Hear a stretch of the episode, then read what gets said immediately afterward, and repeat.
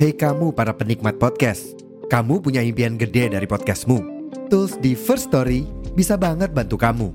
Mulai dari F-Link, Dynamic Audio Insertion, sampai statistik yang komprehensif, semua ada di First Story.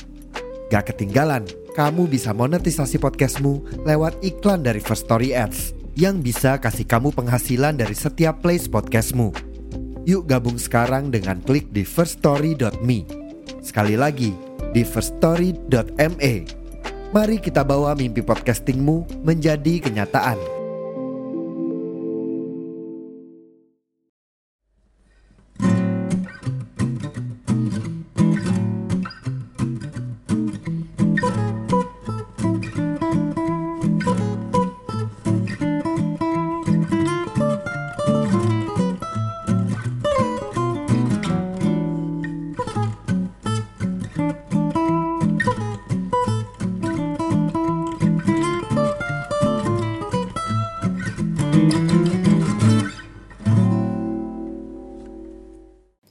Selamat datang di Optis, obrolan para tifosi sepak bola. Oke, kembali lagi bersama kami, para pundit korporasi.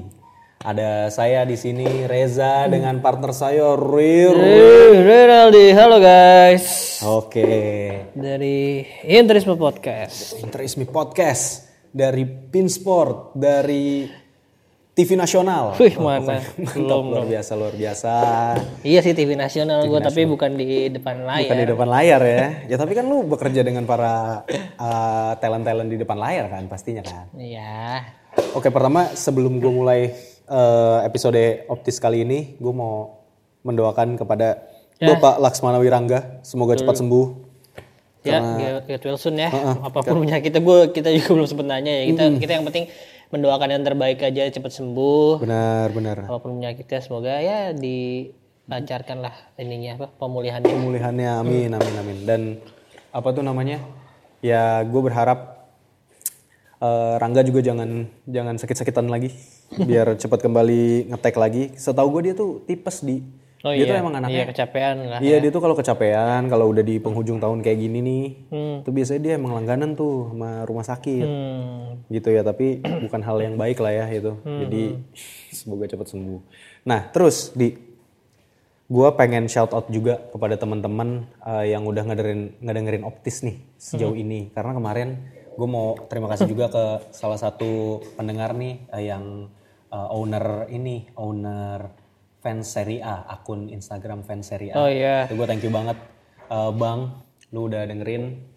Eh, itu gue terharu banget lu udah eh, sampai sampai ini loh Optis tuh masuk ke top list playlist Spotify-nya dia gitu. Wih, mantap, sebuah kehormatan lah buat kami lah ya. Hmm.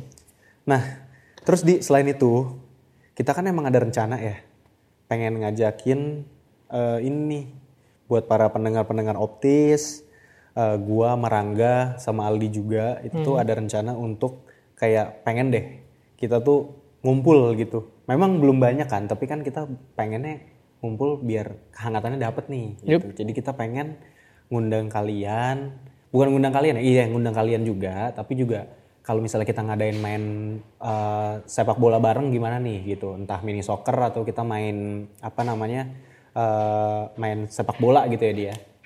Jadi kalau kalian misalnya tertarik teman-teman, nah itu boleh coba DM duluan nih, DM duluan ke Instagram kita. Nanti yang kalau kalian DM mau ikut gitu ya, terus kasih tahu domisilinya di mana. Nah itu nanti insya Allah kita masukin ke shortlist gitu ya dia. Nah shortlist ini eh, ini privilege-nya apa sih gitu? Yaitu kalian jadi apa ya kayak special guest-nya kita. Nanti juga kita bakal kasih eh, merchandise. Mungkin bukan yang gimana-gimana tapi ya kayak kenang-kenangan lah gitu ya. Pokoknya ada merchandise eh, spesial dari Optis lah ya. Yang semoga bisa kalian pakai jalan-jalan atau apalah gitu. Oke oke dan ini eh, leak kita leak dulu aja mungkin do- ini akan dilangsungkan di Jakarta pastinya karena kita domisili di Jakarta sekitaran Jakarta terus tanggalnya ya di pertengahan Desember ya paling ya Iya benar benar di pertengahan Desember. Terus juga untuk eh, teman-teman yang main di Optis League itu kan gue mau info juga nih. Kalau misalnya kalian itu main Optis League nggak nggak nggak dari awal kan nggak dari awal ya mungkin poin kalian eh, kalah lah sama yang udah main dari awal. Tapi nah ini mungkin yang udah main dari awal-awal nih pokoknya kalian tetap semangat ya, tetap pertahankan posisi eh, teratas semampu kalian gitu untuk nanti dapat hadiah yang udah kita janjiin tuh eh, jersey tim kesayangan, Klub kesayangan betul. jersey klub kesayangan. Jadi ya itu, pokoknya tetap semangat para kawan-kawan Optis League. Nah, mungkin itu informasi yang bisa kita sampaikan dia. Mungkin selanjutnya kita bahas episode kali ini nih, bahas isi dari episode kali ini. Di mana ini kita tag itu setelah ini ya.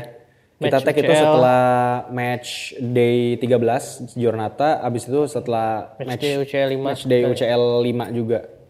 Di mana gue bahasnya dari UCL dulu nih. Di mana tim Itali yang udah pasti lolos ada Lazio dan Inter. Lazio yang kita awalnya kita ragukan pandang sebelah mata karena di bukan pandang sebelah mata ya kayak nggak yakin lah karena di Serie A itu kan terseok-seok banget ya. Syok dan ya grupnya juga, sebenarnya oke gua rasa ma- malah harusnya si Feyenoord sama si Atletico kan tapi malah Lazio yang lolos Iya benar malah Lazio yang lolos.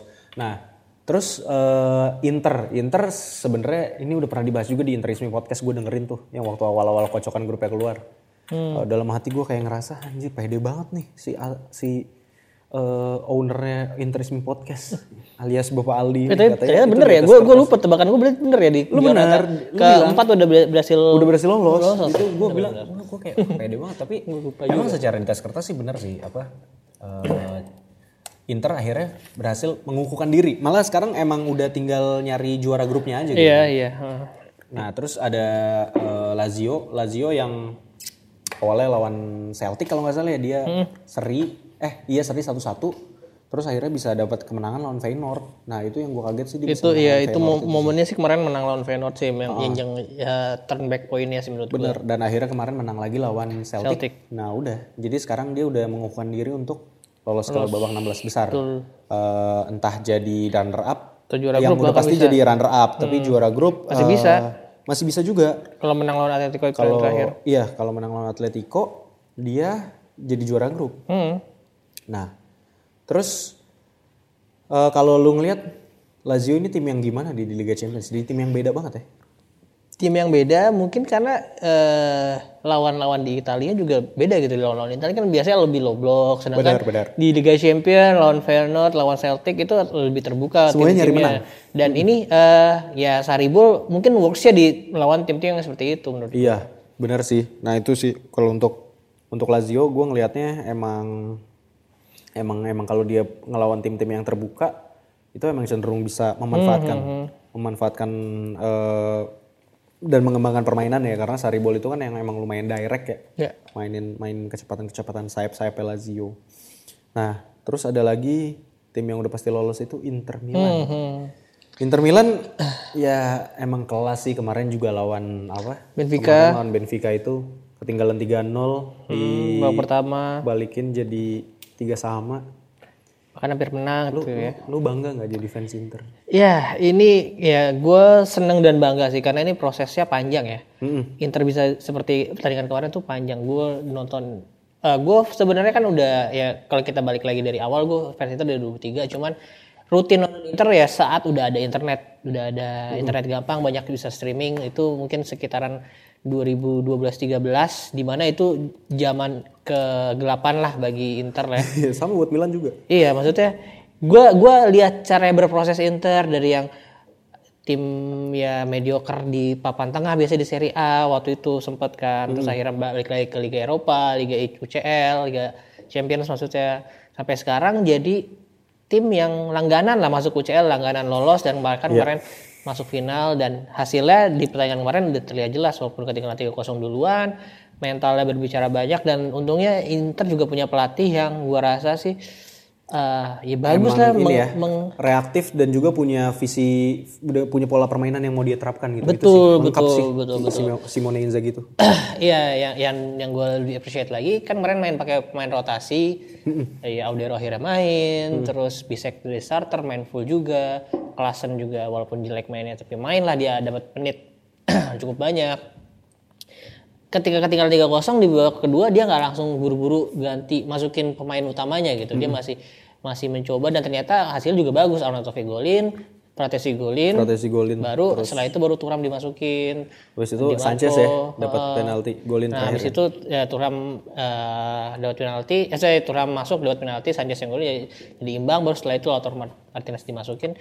Ya jadi Inzaghi udah percaya sama timnya nih. Emang di awal-awal pasti eh, telat panas lah. Ini kan pemain itu jarang-jarang main. Iya kebiasaan Inter sih itu telat panas itu. Iya, pemain-pemain yang dimainin awal kan juga jarang main. Gol juga dari kesalahan back dan kesalahan lini tengah gitu, Iya. antisipasi. Ya gue seneng banget sih Inter eh, jadi tim yang seperti saat ini lah di Liga Champions bisa berbicara banyak. Beda sama tetangganya. Nah, ya.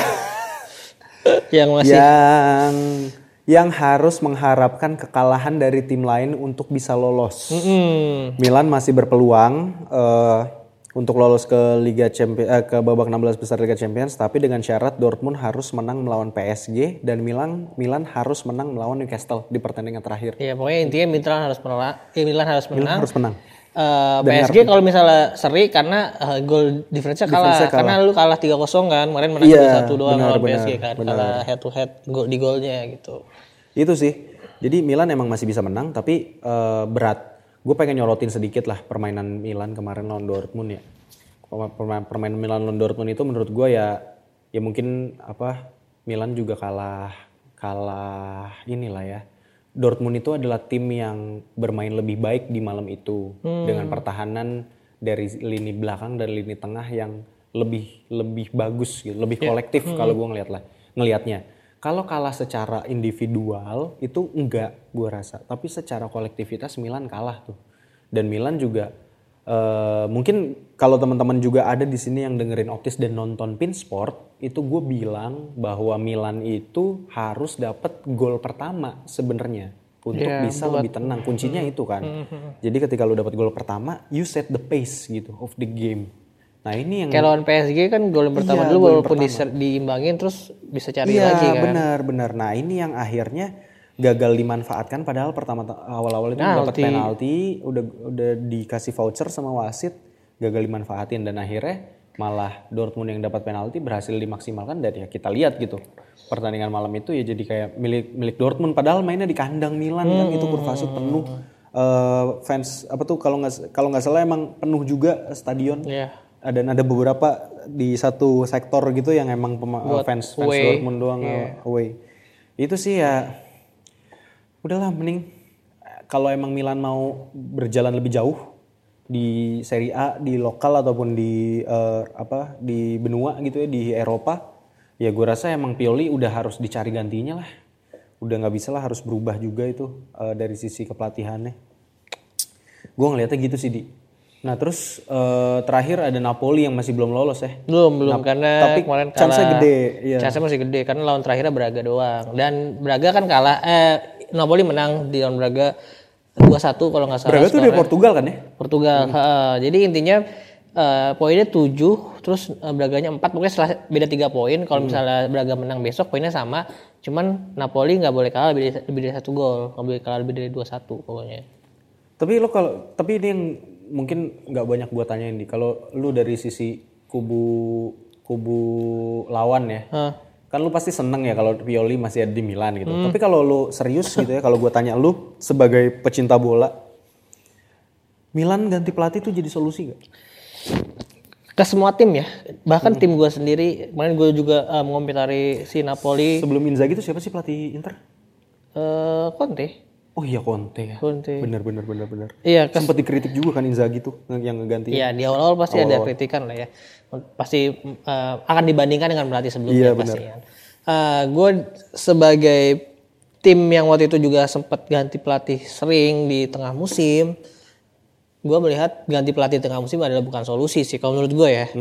Kemarin gue juga sempat ngomentari Napoli juga kan. Napoli dengan Rudi Garcia dipecat masukin Mazzari juga bukan menurut gue bukan solusi yang eh punya apa sih ya? Eh, apa sih bahasanya kalau punya apa punya ini punya punya impact atau punya kans punya kan maksudnya bukan bukan yang lu ganti pelatih pasti akan lebih bagus gitu iya iya, iya Eh, bukan bukan maksud- bukan maksud memberi gue kansnya itu. jadi lebih bagus gitu iya nggak ada garansinya garansi itu Mm, garansi iya nggak bukan garansi lu ganti pelatih garansi langsung jadi bagus cuman ya untuk penyegaran mungkin. Cuman ada perubahan Iya, pasti ya. Perubahan pasti ada. Baik Cuman lebih baik atau lebih entah- buruk gitu ya. Betul betul.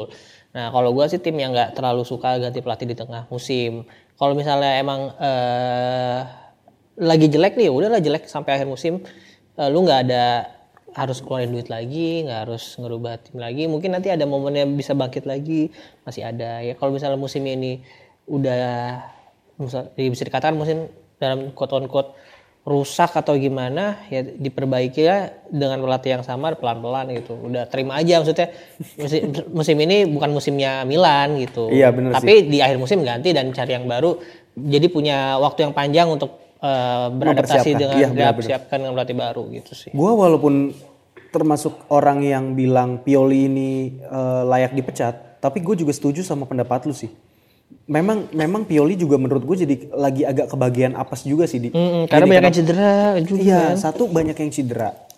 Kedua, eh, apa sih kayak sebenarnya dia juga masih ini kan sebenarnya dia bilang bahwa ini adalah tim yang emang dia mau, ini adalah tim pilihannya dia gitu ya.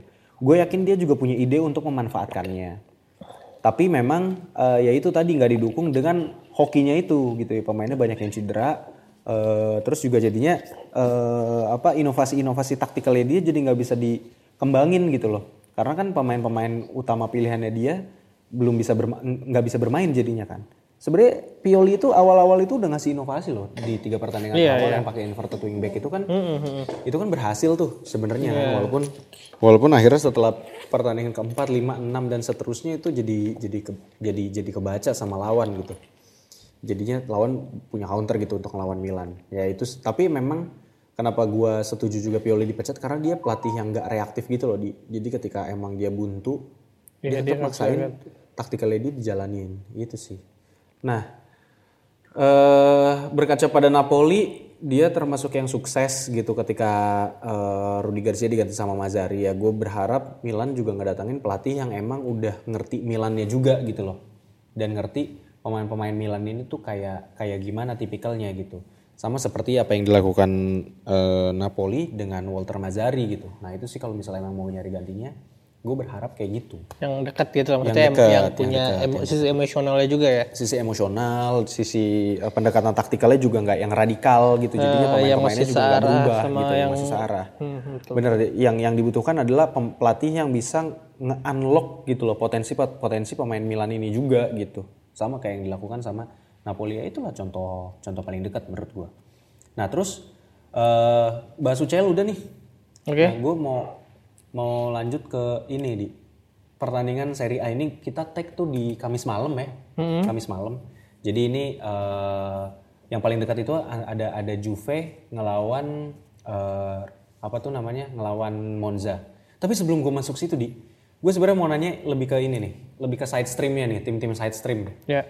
Salernitana, menurut lo dia bisa dapat kemenangan keduanya nggak di eh, pe- di pekan pertandingan? Lawannya apa nih? Sorry, sorry gue lupa. Salernitana itu lawan eh, bentar. Bentar teman-teman, Salernitana itu lawan Fiorentina. Oh iya, itu seru sih. Ah, itu ini ini agak berat gitu karena kita tahu potensi Fiorentina tuh kayak gimana kan dan pemain-pemainnya juga kayak gimana. Cuman Salernitana kemarin dengan gol insya Allah. Uh, keren banget tuh kan Revo gol. Wah. Tapi sebenarnya nggak insya Allah juga ya insya Allah ya benar insya Allah pasti masuk butuh. Tapi dia sering loh kayak gitu. Allah tetap. Tapi kan maksud gua itu emang kayak kayaknya dia udah Trademarknya juga dia kayak itu, gitu, iya, trademarknya dia ro- hafalannya. eh, tendangan roket gitu waktu lawan Milan juga sempet kan golin kayak gitu di derby. Iya. Jadi Gimana kalau menurut lu? Eh ya pasti ini ada boost, eh, boosting ya dari sisi Inzaghi dan Salernitana melawan Fiorentina juga yang masih naik turun dia kemarin kalah terakhir ya gue lupa ntar gue cek Lawan. Milan? Kan Fiorentina lawan Oh Milan iya, Giornata 13 kemarin. Iya menang 1-0 kan. Menang Terus 1-0. sebelumnya juga banyak kalahnya maksudnya naik turun. Iya. Lebih sering kalah sekarang coba kita lihat table dulu bentar bentar. Kalau nggak salah sama Inter kalah ya? Eh udah. Terkalah 4. Sekarang Dia menang Fiorentina lawan dia menang lawan Napoli ya? Oh, hampir sampai Oh, menang, Menang lawan Napoli. Napoli. Menang Iya. lawan Napoli kan Fiorentina. dia lawan tim besar lawan Napoli doang menangnya lawan Iya, Juventus iya, kalah, lawan Lazio kalah. Terus ha- sekarang menangnya enam kali kalah lima kali jadi, jadi trennya juga lagi nggak bagus kalah lima, lima pertandingan terakhir kalah empat kali ini kalau ya gue lagi-lagi bilang kalau si Italiano tetap memaksakan dengan permainan yang bikin capek capek pemainnya juga capek yang nonton juga uh, bakal jadi bumerang untuk dia sendiri sih. Ya memang kalau kita lihat atraktif ya atraktif benar. Cuman Iya, benar. uh, kan kita di sini main lihat hasil juga ya. Bener. kalau atraktif ya liga ya liga ini liga Italia bukan liga Inggris gitu yang mainnya. Atraktif uh, kick and rush ini liga Italia yang mainnya uh, taktikal. Mementingkan result juga iya Italia result. tuh. intinya kan ya intinya setiap tim eh, di pertandingan di setiap giornata pengennya menang. Nah ini kalau dia belum belum nemu cara menang yang baik gitu ini kan masalah utamanya Fiorentina bukan mainnya jelek cuman gimana cara Gimana menangnya caranya dapat Iya. result yang positif juga, sepositif dia cara mainnya dia gitu iya kan. iya iya gitu jadi Salernitana ini main di kandang apa di tandang lawannya nih main di Main kandang di main di kandang. Kandang Salernitana kan? Eh, kandang Fiorentina Fiorentina, ya? kandang Fiorentina. ah masih sulit menang sih cuman kayaknya nggak kalah juga lawan Fiorentina Lawan Fiorentina nggak kalah ya. Hmm. Menurut lu nggak kalah nih berarti Salernitana-nya nggak kalah ya. ya bisa bisa menang bisa seri agak agak agak bold juga ya statement lu ya. Hmm. Kalau gue ngeliat sih dari sisi taktikalnya Salernitana ya, Inzaghi ini Inzaghi ini juga lumayan ini nih di lumayan apa? Lumayan ngide menurut gua dengan dia main pakem tiga. Kalau nggak salah waktu dia ngelatih Milan itu mainnya pakai sistem 4 deh kalau nggak salah Inzaghi itu. Tapi emang lebih iya iya tapi dia emang lebih eh, lebih nyerang. Sebenarnya kalau gue lihat Inzaghi itu tuh pinter untuk memanfaatkan pemain-pemain menyerangnya dia gitu. Tapi memang dari sisi pertahanannya kayak transisi transisi negatif ya. Transisi negatifnya kalau gue lihat Salernitana ini juga masih jelek gitu. Jadi tapi kalau misalnya udah udah ke depan itu tuh uh, Salernitana tuh lumayan lumayan bisa gitu untuk megang megang bola. Ya inilah Filippo Inzaghi itu emang tim yang uh, sebenarnya mengutamakan possession gitu ya. Uh, waktu kalau gue lihat waktu dia main uh, ngelatih Milan, ngelatih Milan itu kan dia juga uh, uh, mainin possession dan dia suka ada sebenarnya dia suka tuh di pemain-pemain yang tipikalnya kayak Kandreva kalau waktu di Milan kan kita Milan tuh punya ini Keisuke Honda iya punya Keisuke Honda. Nah terus juga eh, apa tuh namanya?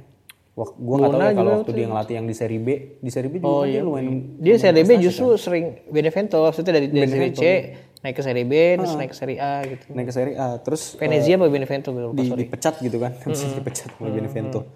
Nah terus akhirnya balik lagi. Tapi ini menarik sih menarik untuk ditonton sebenarnya. Ini dua tim yang sama-sama nyerang sebenarnya. Tapi kalau gue gue juga setuju Salern- Salernitana bisa menang dengan catatan Fiorentina nggak nggak berubah ya. Tapi kalau misalnya Sol- Val- kalau misalnya Fiorentina taktiknya berubah, menurut gue ini juga bisa uh, Fiorentina yang dapat kemenangan sih di. Karena uh, kita tahu sebenarnya potensi pemain Fiorentina jauh di atas kertas lebih unggul daripada pemain-pemain Salernitana gitu. Terutama iya sih Iya, terutama di uh, lini, lini maksudnya di lini depan ya, yang jadi harus punya banyak berhadapan opsi sama, dia berhadapan sama lini belakang Salernitana yang sebenarnya opsinya nggak banyak Iya, gitu. iya, iya. Inzaghi selalu masang si Pirola, uh, terus back tengahnya juga si Giomber ya. Giomber itu, uh, terus uh, ya udah sih, kayaknya itu itu aja dia. Dani nggak- Luk tuh saya mana bang Dani si Dani Danilop itu di di, di Danilop di kanan. Oh iya tengah kanan jadi tiga back. Terus ada Bradaric sama Mazo Mazochi yang jadi wing backnya kalau di pertandingan kemarin.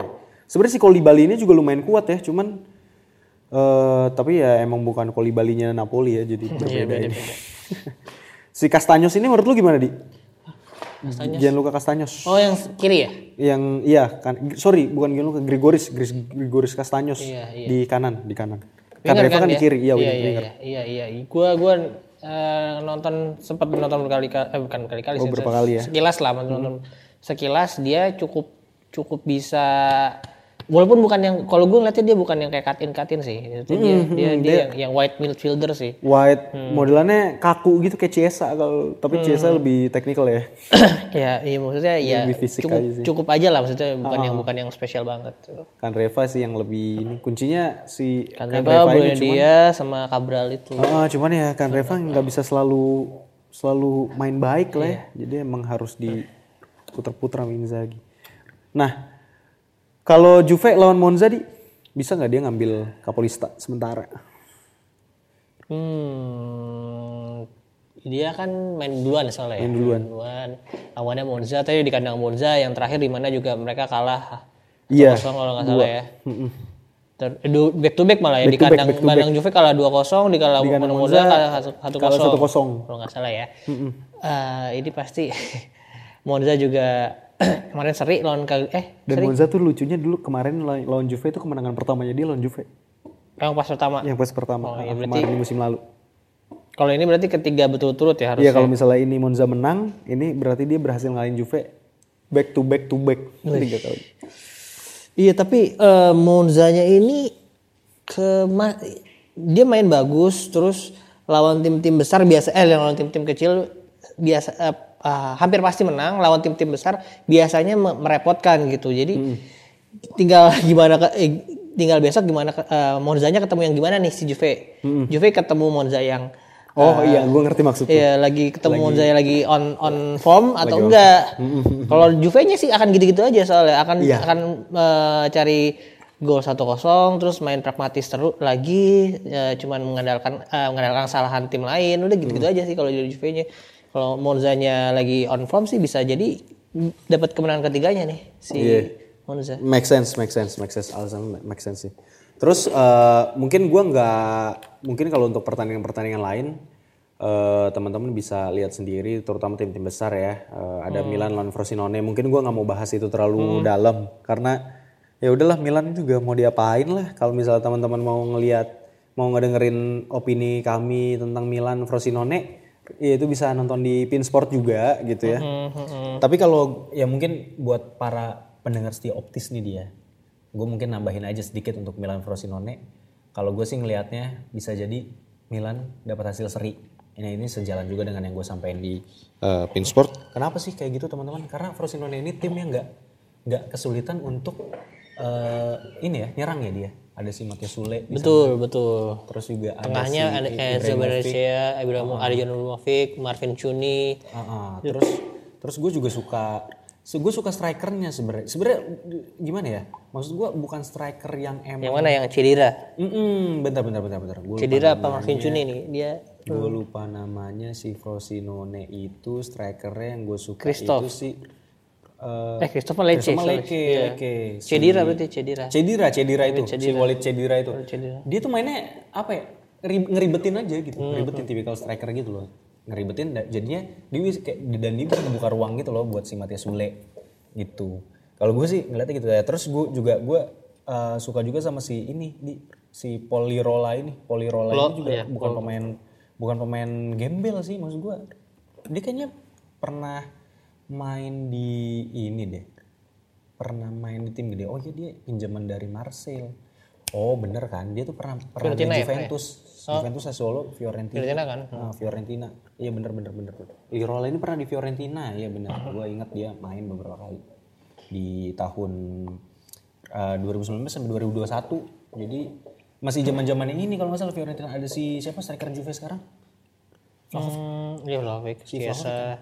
Kiesa, iya dia main sama itu kan, sama si Kiesa bentar ya, coba gue pastiin ya. Gue mau lihat Chiesa ini dia bener nggak ya main bareng sama, iya bener 2016 sampai 2022 bener Chiesa dia main sama Polirola tuh. Dan lumayan beberapa kali jadi starter juga sih Lirola itu di Fiorentina emang emang back back back back kiri kalau nggak salah di Fiorentina tuh. Nah, jadi kayak gitu sih teman-teman kalau pandangan gue, mungkin Aldi juga setuju ya dia bahwa Milan kalau masih gini-gini aja ya siap-siap dimakan aja Frosinone. Mungkin gue mau langsung ke ini nih. Sebenarnya kalau big match, big match di eh Giornata di ini. Giornata ini, di Giornata besok itu ada Napoli lawan Inter. Iya. Iya kan? Hmm. Eh, tapi bentar deh, sebelum gue masuk lawan Inter, Iya, gue boleh, cut boleh. dulu. Yang lain dulu, Ya, gue mau yang lain dulu. Gue pengen ngebahas ini nih.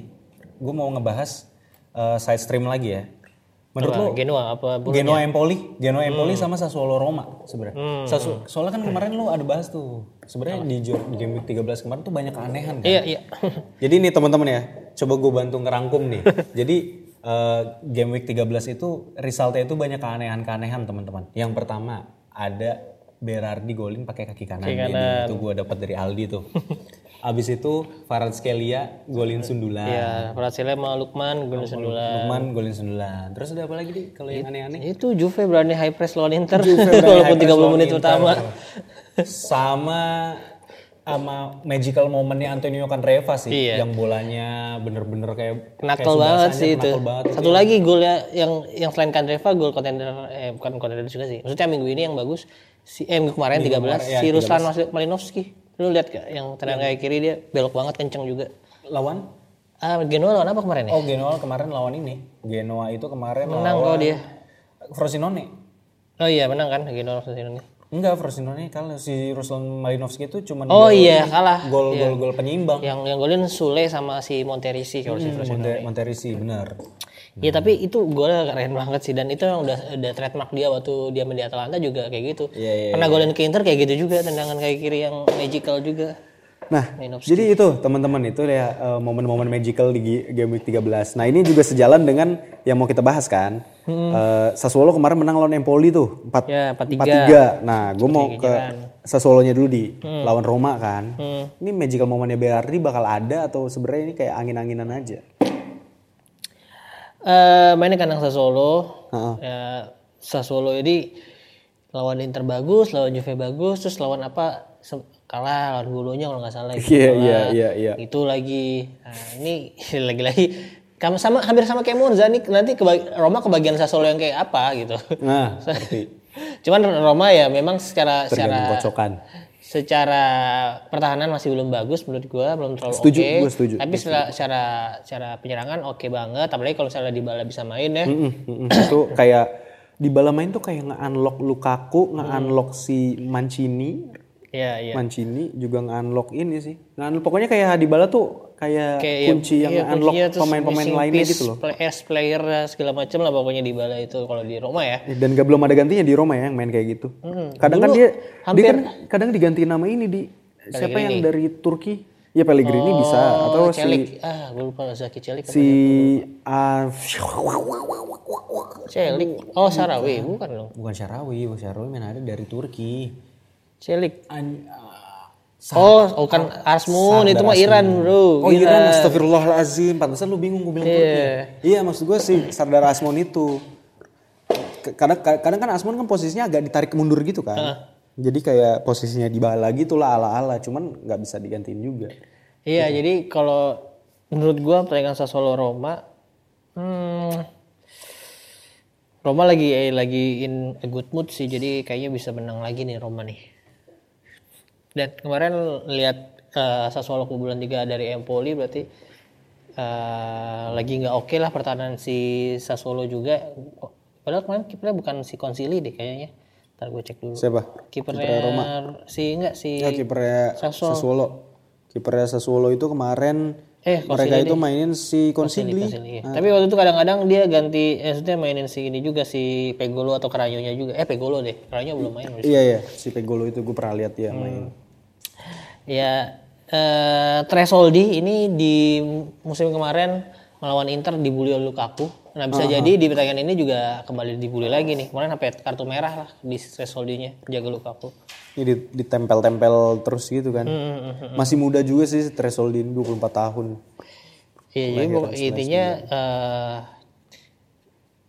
di pertahanannya si Sassuolo sih kalau misalnya nggak nggak bisa ngejaga Lukaku dengan baik, mereka bisa Tapi kan menangnya Sassuolo ada di lini depannya ya. di depannya karena ya sama-sama lini belakang mereka juga lagi nggak oke lagi sih. nggak oke ya. Jadi antara Berardi eh, kirinya tuh si siapa? Hmm, Loriente. ah, ah, Arman Loriente sama Pinamonti nih. Pinamonti Pinamonti, ini tapi striker yang lucu sih di kalau gue ngeliatnya. Hmm. Maksud gue Pinamonti itu bukan striker yang kayak cepet atau Hmm. gimana, positioning. Tapi positioningnya dia tuh lumayan bagus dan fisikal juga kan, lumayan gede kan. Lu tau nggak dia look up tuh ke siapa?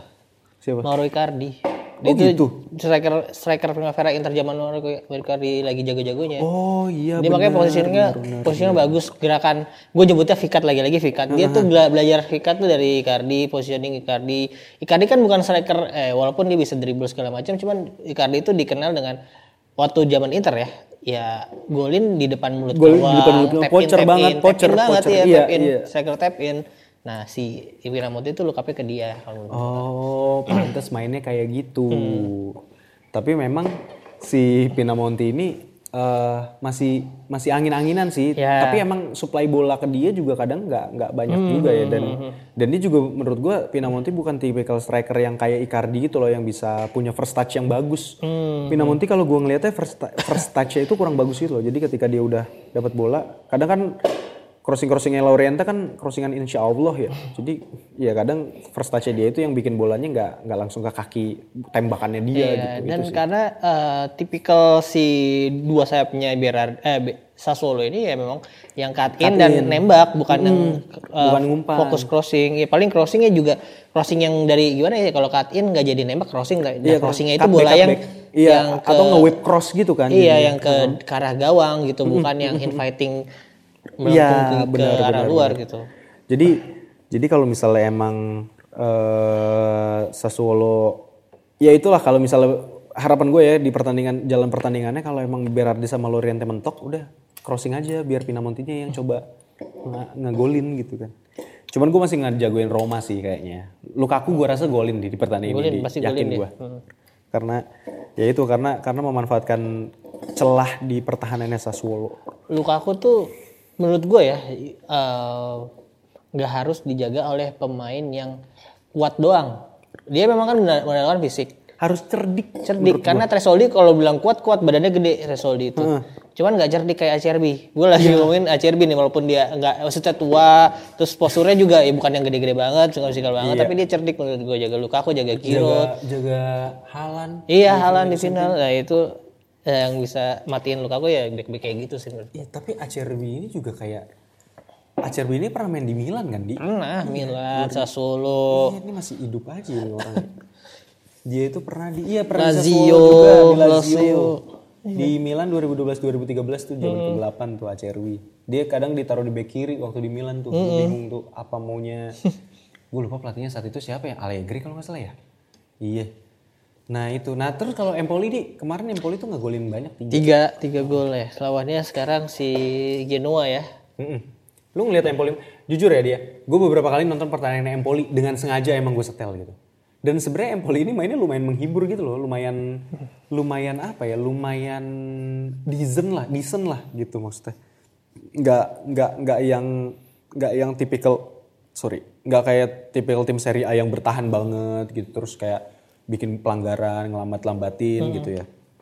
Nah Empoli ini mainnya lumayan menghibur gitu dan gue juga suka si pemain Empoli itu yang gue demen itu si Kambiagi, Caputo, Oh, Caputo. Caputo strikernya dari. Sassuolo juga kemarin Ah, dia dari. Sassuolo, Caputo. Si eh, apa tuh? Baldanzi siapa? Iya, Thomas Obelanzi itu juga Lagi hilang nih. lagi tapi lagi hilang, lagi hilang pak. Terus Kemarin juga nggak main dia nggak tahu cedera atau apa. Ah, ah, terus eh sama si ini sih eh apa backnya itu gue suka sih si Cancellieri. Apa, eh, oh, BK Ebuhi, Ebuhi. Ebuehi itu, Tyron Ebuehi itu. Jadi gue ngeliatnya sih mainnya lumayan tenang, lumayan solid gitu ya. Dan dia juga uh, punya kemampuan untuk uh, memanfaatkan set piece kalau gue. Set piece baik, set, set piece bertahannya bagus, set piece nyerangnya juga bagus. Beberapa kali juga dia ngegolin kan, kalau nggak beberapa kali sih, kayaknya cuma satu. Si Ebuehi itu kayaknya udah golin Teron Ebuehi gol. Gol. Ebuehi itu satu gol. Iya. Eh, bentar. Iya, bentar, golin bentar. satu sempet sempet Bentar, bentar, bentar. Di Serie A itu dia hmm, enggak dia belum golin deh. Tapi dia lumayan dapat banyak clean sheet, ada 4 clean sheet di musim ini. Karena Empoli kan sempat seri-seri-seri gitu kan. Hmm. Nah, itu sih. Ya kalau sebenarnya kalau dari Empoli banyak nama-nama yang kayak grade B yang cukup oke sih. Tadi kalau lu bilang masih ada Destro juga, terus Giasi, Kovalenko, terus ya anaknya Maldini. Tuh. Oh iya bener dia main di situ ya. Rasvan Marin yang eh, eh, biasanya oke di Cagliari kalau nggak salah waktu itu. Jadi sebenarnya eh, tim ini ya tim grade B yang harusnya bisa bertahan di Serie A musim ini sih menurut gua. Kalau dari segi komposisi pemain pemain-pemainnya ya. Mm-mm. Iya, Cancellieri juga pinjaman dari eh Beda ya ini Cagliari yang Lazio sama Verona gue. Beda, beda, beda. Bisa ya. Tapi kalau lu ngelihatnya eh, kansnya Empoli ngelawan Genoa, Ah, ini sama-sama sama-sama tim yang masih ini sih masih belum nemuin formnya gitu loh. Maksudnya Genoa juga kadang-kadang bagus dari dia punya si apa Gudmundsson, si Iya, strikernya Retegi. Tapi kadang-kadang masih hilang. Nih ya tergantung. Ini main di mana sih? mainnya di Genoa. Kayaknya gue rasa Genoa bisa menang sih. Bisa menang sih Genoa kalau main di Genoa nih kayaknya. Iya, karena ya si Rete, Retegi harusnya bisa ngegolin lah gitu di pertandingan ini. Bangkit lah gitu. Udah game week 14 nih. Nah, oke tadi itu Sassuolo sama Roma udah dibahas. Terus juga si Empoli eh, sama Genoa udah dibahas. Itu tim-tim yang memperbutkan posisi aman ya dari degradasi. Nah ini yang akan menentukan jalur Scudetto nih di. Iya, Napoli sang juara bertahan Serie A melawan Inter nih tim kesayangan lu. Mungkin mungkin gua nggak mau terlalu panjang, eh, yang kompak aja di. Hmm. Gue balik ke pertanyaan ini nih. Ini nggak ada Rangga sih ya. Iya, Apa yang harus dilakukan sama Inter untuk menghadapi dan menetralisir Napoli? Karena Napoli itu kemarin lawan Madrid juga bagus kan. Iya sebenarnya. Maksudnya ca- cara mereka bermain, cara mereka eh, ngontrol pertandingan di lini tengah itu kan oke gitu. Nah itu menurut lu Inter apa yang harus dilakukan Inter gitu? Ap- apakah harus ngenetralisir si eh, Kvaratskhelia. siapa? Kvaratskhelia atau atau mungkin juga si Anguissa juga harus dimatiin juga biar dia jangan free roam dengan nyaman gitu. Ah, menurut juga ya Inter harusnya just being Inter aja sejauh ini uh, udah works maksudnya punya banyak chance di setiap pertandingan. Ya tinggal memanfaatkan chance itu aja sih kalau masalah Kvaratskhelia musim lalu juga sebenarnya walaupun Inter kalah 3-1 ya, tapi kayaknya Kvaratskhelia nggak golin deh pertandingan itu deh. Nggak nggak golin. Ya, yang golin Anguissa terus si pemain mudanya si Zanoli eh apa sih itu Gaetano. Ya, itu pokoknya itulah pemain-pemain mudanya justru yang yang bukan andalannya Napoli sebenarnya. Jadi untuk meredam Kvaratskhelia udah pasti eh, main main jobnya maksudnya ya fokus utamanya pertahanan Inter lah udah pasti si Inzaghi udah wanti-wanti lu harus jaganya seperti ini ya. Ya pasti akan di double team sih pasti dia akan sama si double eh Davres sama Darmian kemungkinan yang akan Pasti pasti pasti. punya tugas itu. nah setelah ya pokoknya udah saat megang bola ya tinggal bermain seperti Inter yang selama ini aja gitu. Iya ngerti ngerti. Inter tuh buat chance ya pasti eh, ketika di high press akan lewat pinggir, lewat kanan. Nah, gua harapnya nih eh, waktu lawan Juve nih sempat sempat si Davis on eh, nggak nggak form banget dan positioningnya tuh dia terlalu jauh dari dia tuh udah tahu-tahu udah di ujung atas kanan aja itu nggak jadi eh, link upnya nggak nggak nggak jalan gitu terlalu jauh gitu nah itu aja sih eh, fokus gue sih harusnya Inter link up play dari bawahnya lebih nggak terlalu jauh lah apa sih bahasa compact mungkin Compact, ya lebih compact. lebih compact nggak terlalu weird dan intinya jangan membuang-buang kesempatan di depan sih apalagi ini eh, fok- eh, faktor utamanya adalah Napoli kemarin main di Madrid ya kemarin main di Napoli Madrid. main di Spanyol. di Spanyol Main di kan. Madrid. Inter juga main di Portugal sebenarnya cuman Waduh, duh. Eh, Inter kan mainnya eh, Napoli mainnya full tim sebenarnya kan Inter rotasi harus. Oh, rame banget. Ya Napoli full team mainnya. Inter rotasi ya. Ini harusnya Inter punya punya nilai plus lah handicap lah. Mainnya lebih bugar-bugar. Udah sih itu intinya. Dan satu lagi ya karena ini Mazari masih pertandingan ketiga nih kayaknya juga masih nyari performa ter- ya in- racikan terbaiknya lah. Ini harusnya Inzaghi juga memanfaatkan itu jadi jadi kunci ya, jadi kunci. Itu sih, ya, ya. Kalau kalau menurut gua, kalau menurut gua, gua mungkin bahas dari si eh Napolinya. tapi ta- tambahan mungkin eh sorry. Eh, hal yang mungkin akan memberatkan Inter adalah hasil Juventus. Kalau Juventus bisa menang pasti kan ada moral yang ini lah. Lu harus menang juga biar balik lagi ke atas gitu loh.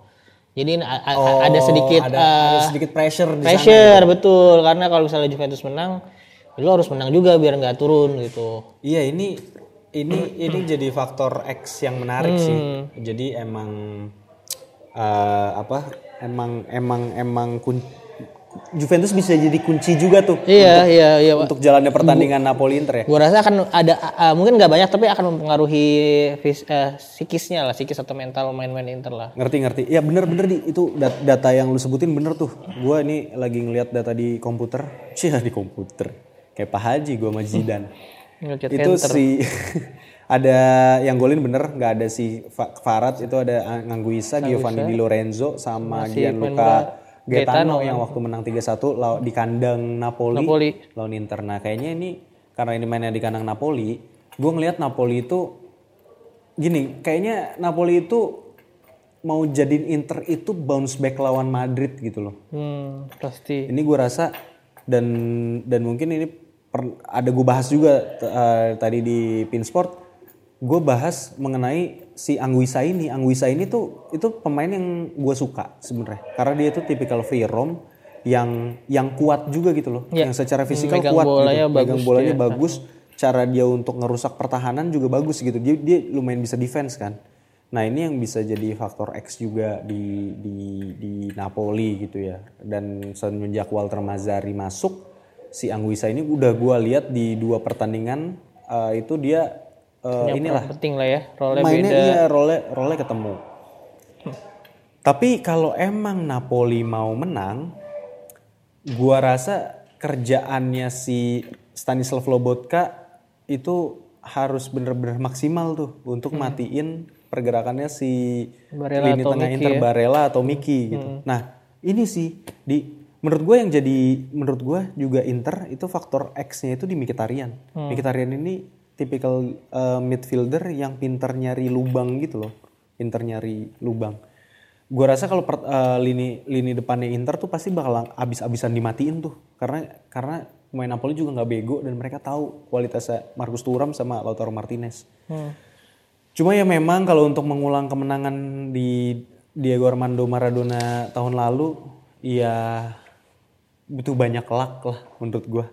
Karena Inter lagi on form banget, apalagi comeback kemarin dia itu pasti pasti itu jadi modal yang luar biasa gitu. Iya, di boost di moral, di boost di mental moral banget juga gitu. Pasti, iya sih.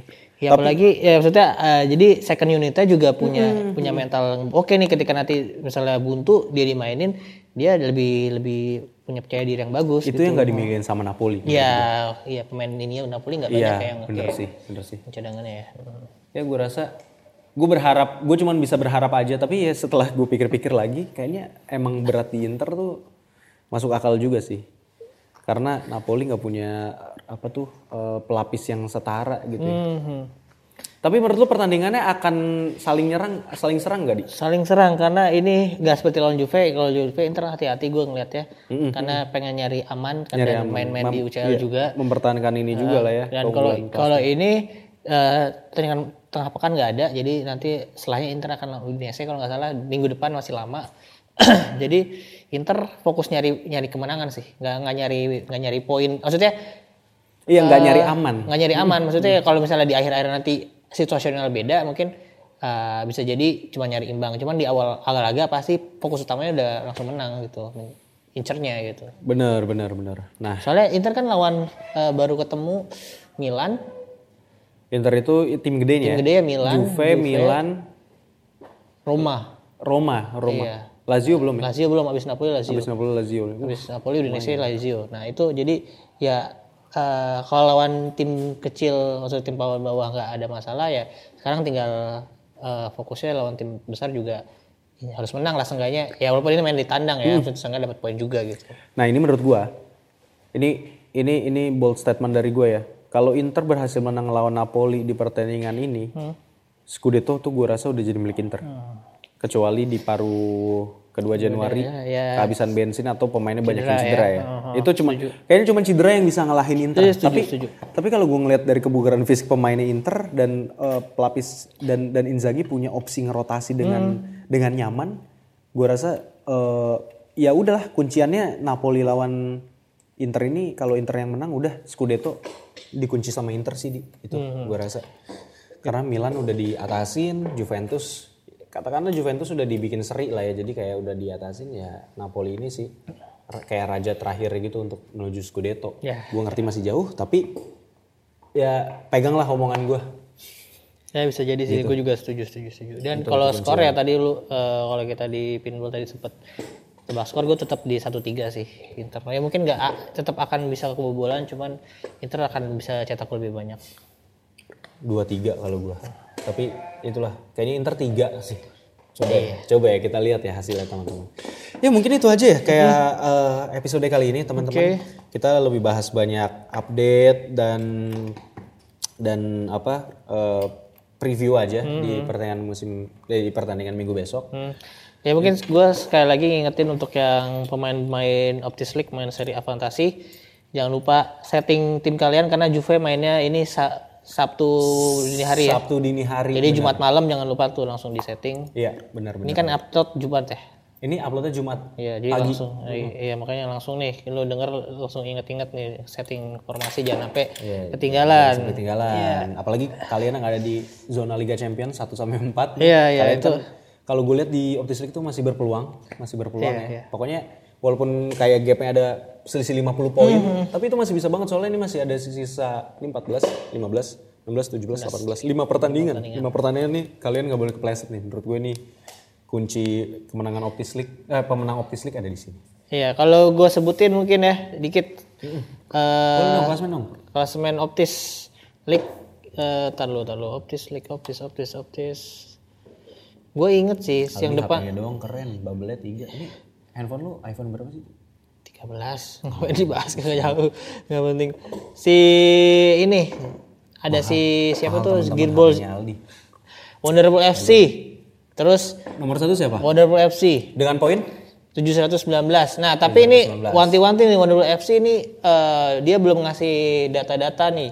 Oh, dia dia kalau nggak bisa dihubungi nanti bisa angus nih. Ya, dan jadi tolong ya tem, uh, pemilik tim Wonderful FC. Nah, siapa tahu dengerin ya. Uh, DM. terus ada James FC ini sering dia sering menang Iya dia sering menang. JMS FC terus Interflix juga ini Mas Hendra nih eh, anak Ici Bekasi Oke. terus Eh, Valquina taruh, taruh, taruh. Sorry.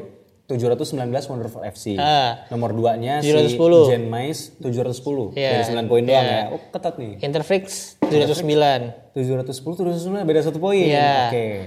Valquinal nih temennya anak orang dalam 704 dia Tapi ini temennya Rangga yang orang dalam ini itu beneran nggak ada nggak ada gimana gimana dia ikut berkompetisi ya teman-teman ya jadi jangan salah paham. Iya terus Talago Juice. Eh itu tadi dia 74 Talago Juice 708 dan pemenang di juara ini Gearball Zigzag jura- eh, 694 jadi ini eh, poinnya tipis-tipis beda beda ya nggak nyampe dua digit bedanya. Gue ngeliat berarti posisi 1 sampai 10 itu tuh masih bisa menang sih karena posisi 10 itu 673 di mana lu sebenarnya lu sebenarnya pinter-pinter milih kapten sih. Jadi eh mungkin yang posisi di atas tuh mungkin posisi 1 sampai 5 gue rasa nggak harus gambling milih kapten ya. Tapi yang posisi 10 kalau misalnya emang lu mau nyari menang ya lu harus gambling pilih kapten tuh. Memang kalau lu salah pilih kapten ya lu kepleset, tapi kalau lu bener pilih kapten yang itu nggak umum ya lu bisa bisa langsung ngeboost posisi lu di klasmen sih. iya iya iya Nah, di jadi gini teman-teman, kalau teman-teman juga di sini ada yang dengerin Interisme Podcast gitu kemarin tuh, ya gue saranin juga lu dengerin ya Interisme Podcast, terutama episode terbarunya dia kemarin tuh yang law- sama Abah Pican itu lumayan menghibur itu lumayan lucu. Nah, lu kan udah ngobrol sama Abah, Abah Pican nih, di. coba kasih ini dua kata lucu kayak atau apa gitu buat closingnya. Misalnya kayak eh, cepirit di Amsterdam. itu kan udah itu tiga kata lucu Oh tiga kata lucu, ya. cepirit di Amsterdam. Tiga kata lucu ada di-nya ya. dua kata lucu Dua kata lucu. ini ketiga namanya Ya tiga udah apa-apa tiga kata lucu deh, tiga kata lucu. lucu lucu ah nggak dapet ah udah Ah, nggak dapet. Ah, ya itu tiga kata lucu dari teman-teman. Terima kasih udah mendengarkan episode Optis kali ini teman-teman. Gue thank you banget buat teman-teman yang udah dengerin. Yang tadi gue ingetin lagi ya, kalau misalnya teman-teman ada yang pengen join sama kita buat ada optis apa tuh main bola bareng, Ya, DM kita ya. football. Nanti untuk biar bisa dapat merchandise uh, spesial dari kami. Oke itu aja. Follow uh, s- uh, Spotify Optis atau platform apa pun yang kalian gunakan, follow juga Instagram Optis, masuk Optis League. Bu- buat teman-teman yang emang misalnya baru dengerin nih terus, oh ternyata Optis ada Optis League nih. Itu jangan khawatir kalian masuk aja karena setelah Giornata 18 itu akan kita reset lagi. Jadi kita bakal main uh, karena itu emang liganya gue bikin paruh musim dan nanti bakalan ada lagi eh, liga yang bakal paruh musim lagi untuk menentukan siapa juaranya. Ya, Oke. mungkin itu aja dari gua. Ada tambahan dari Aldi? Sudah, Kayak sudah, sudah. meeting, anjing. Ya udah, thank you teman-teman yang udah dengerin. Ciao. Ciao.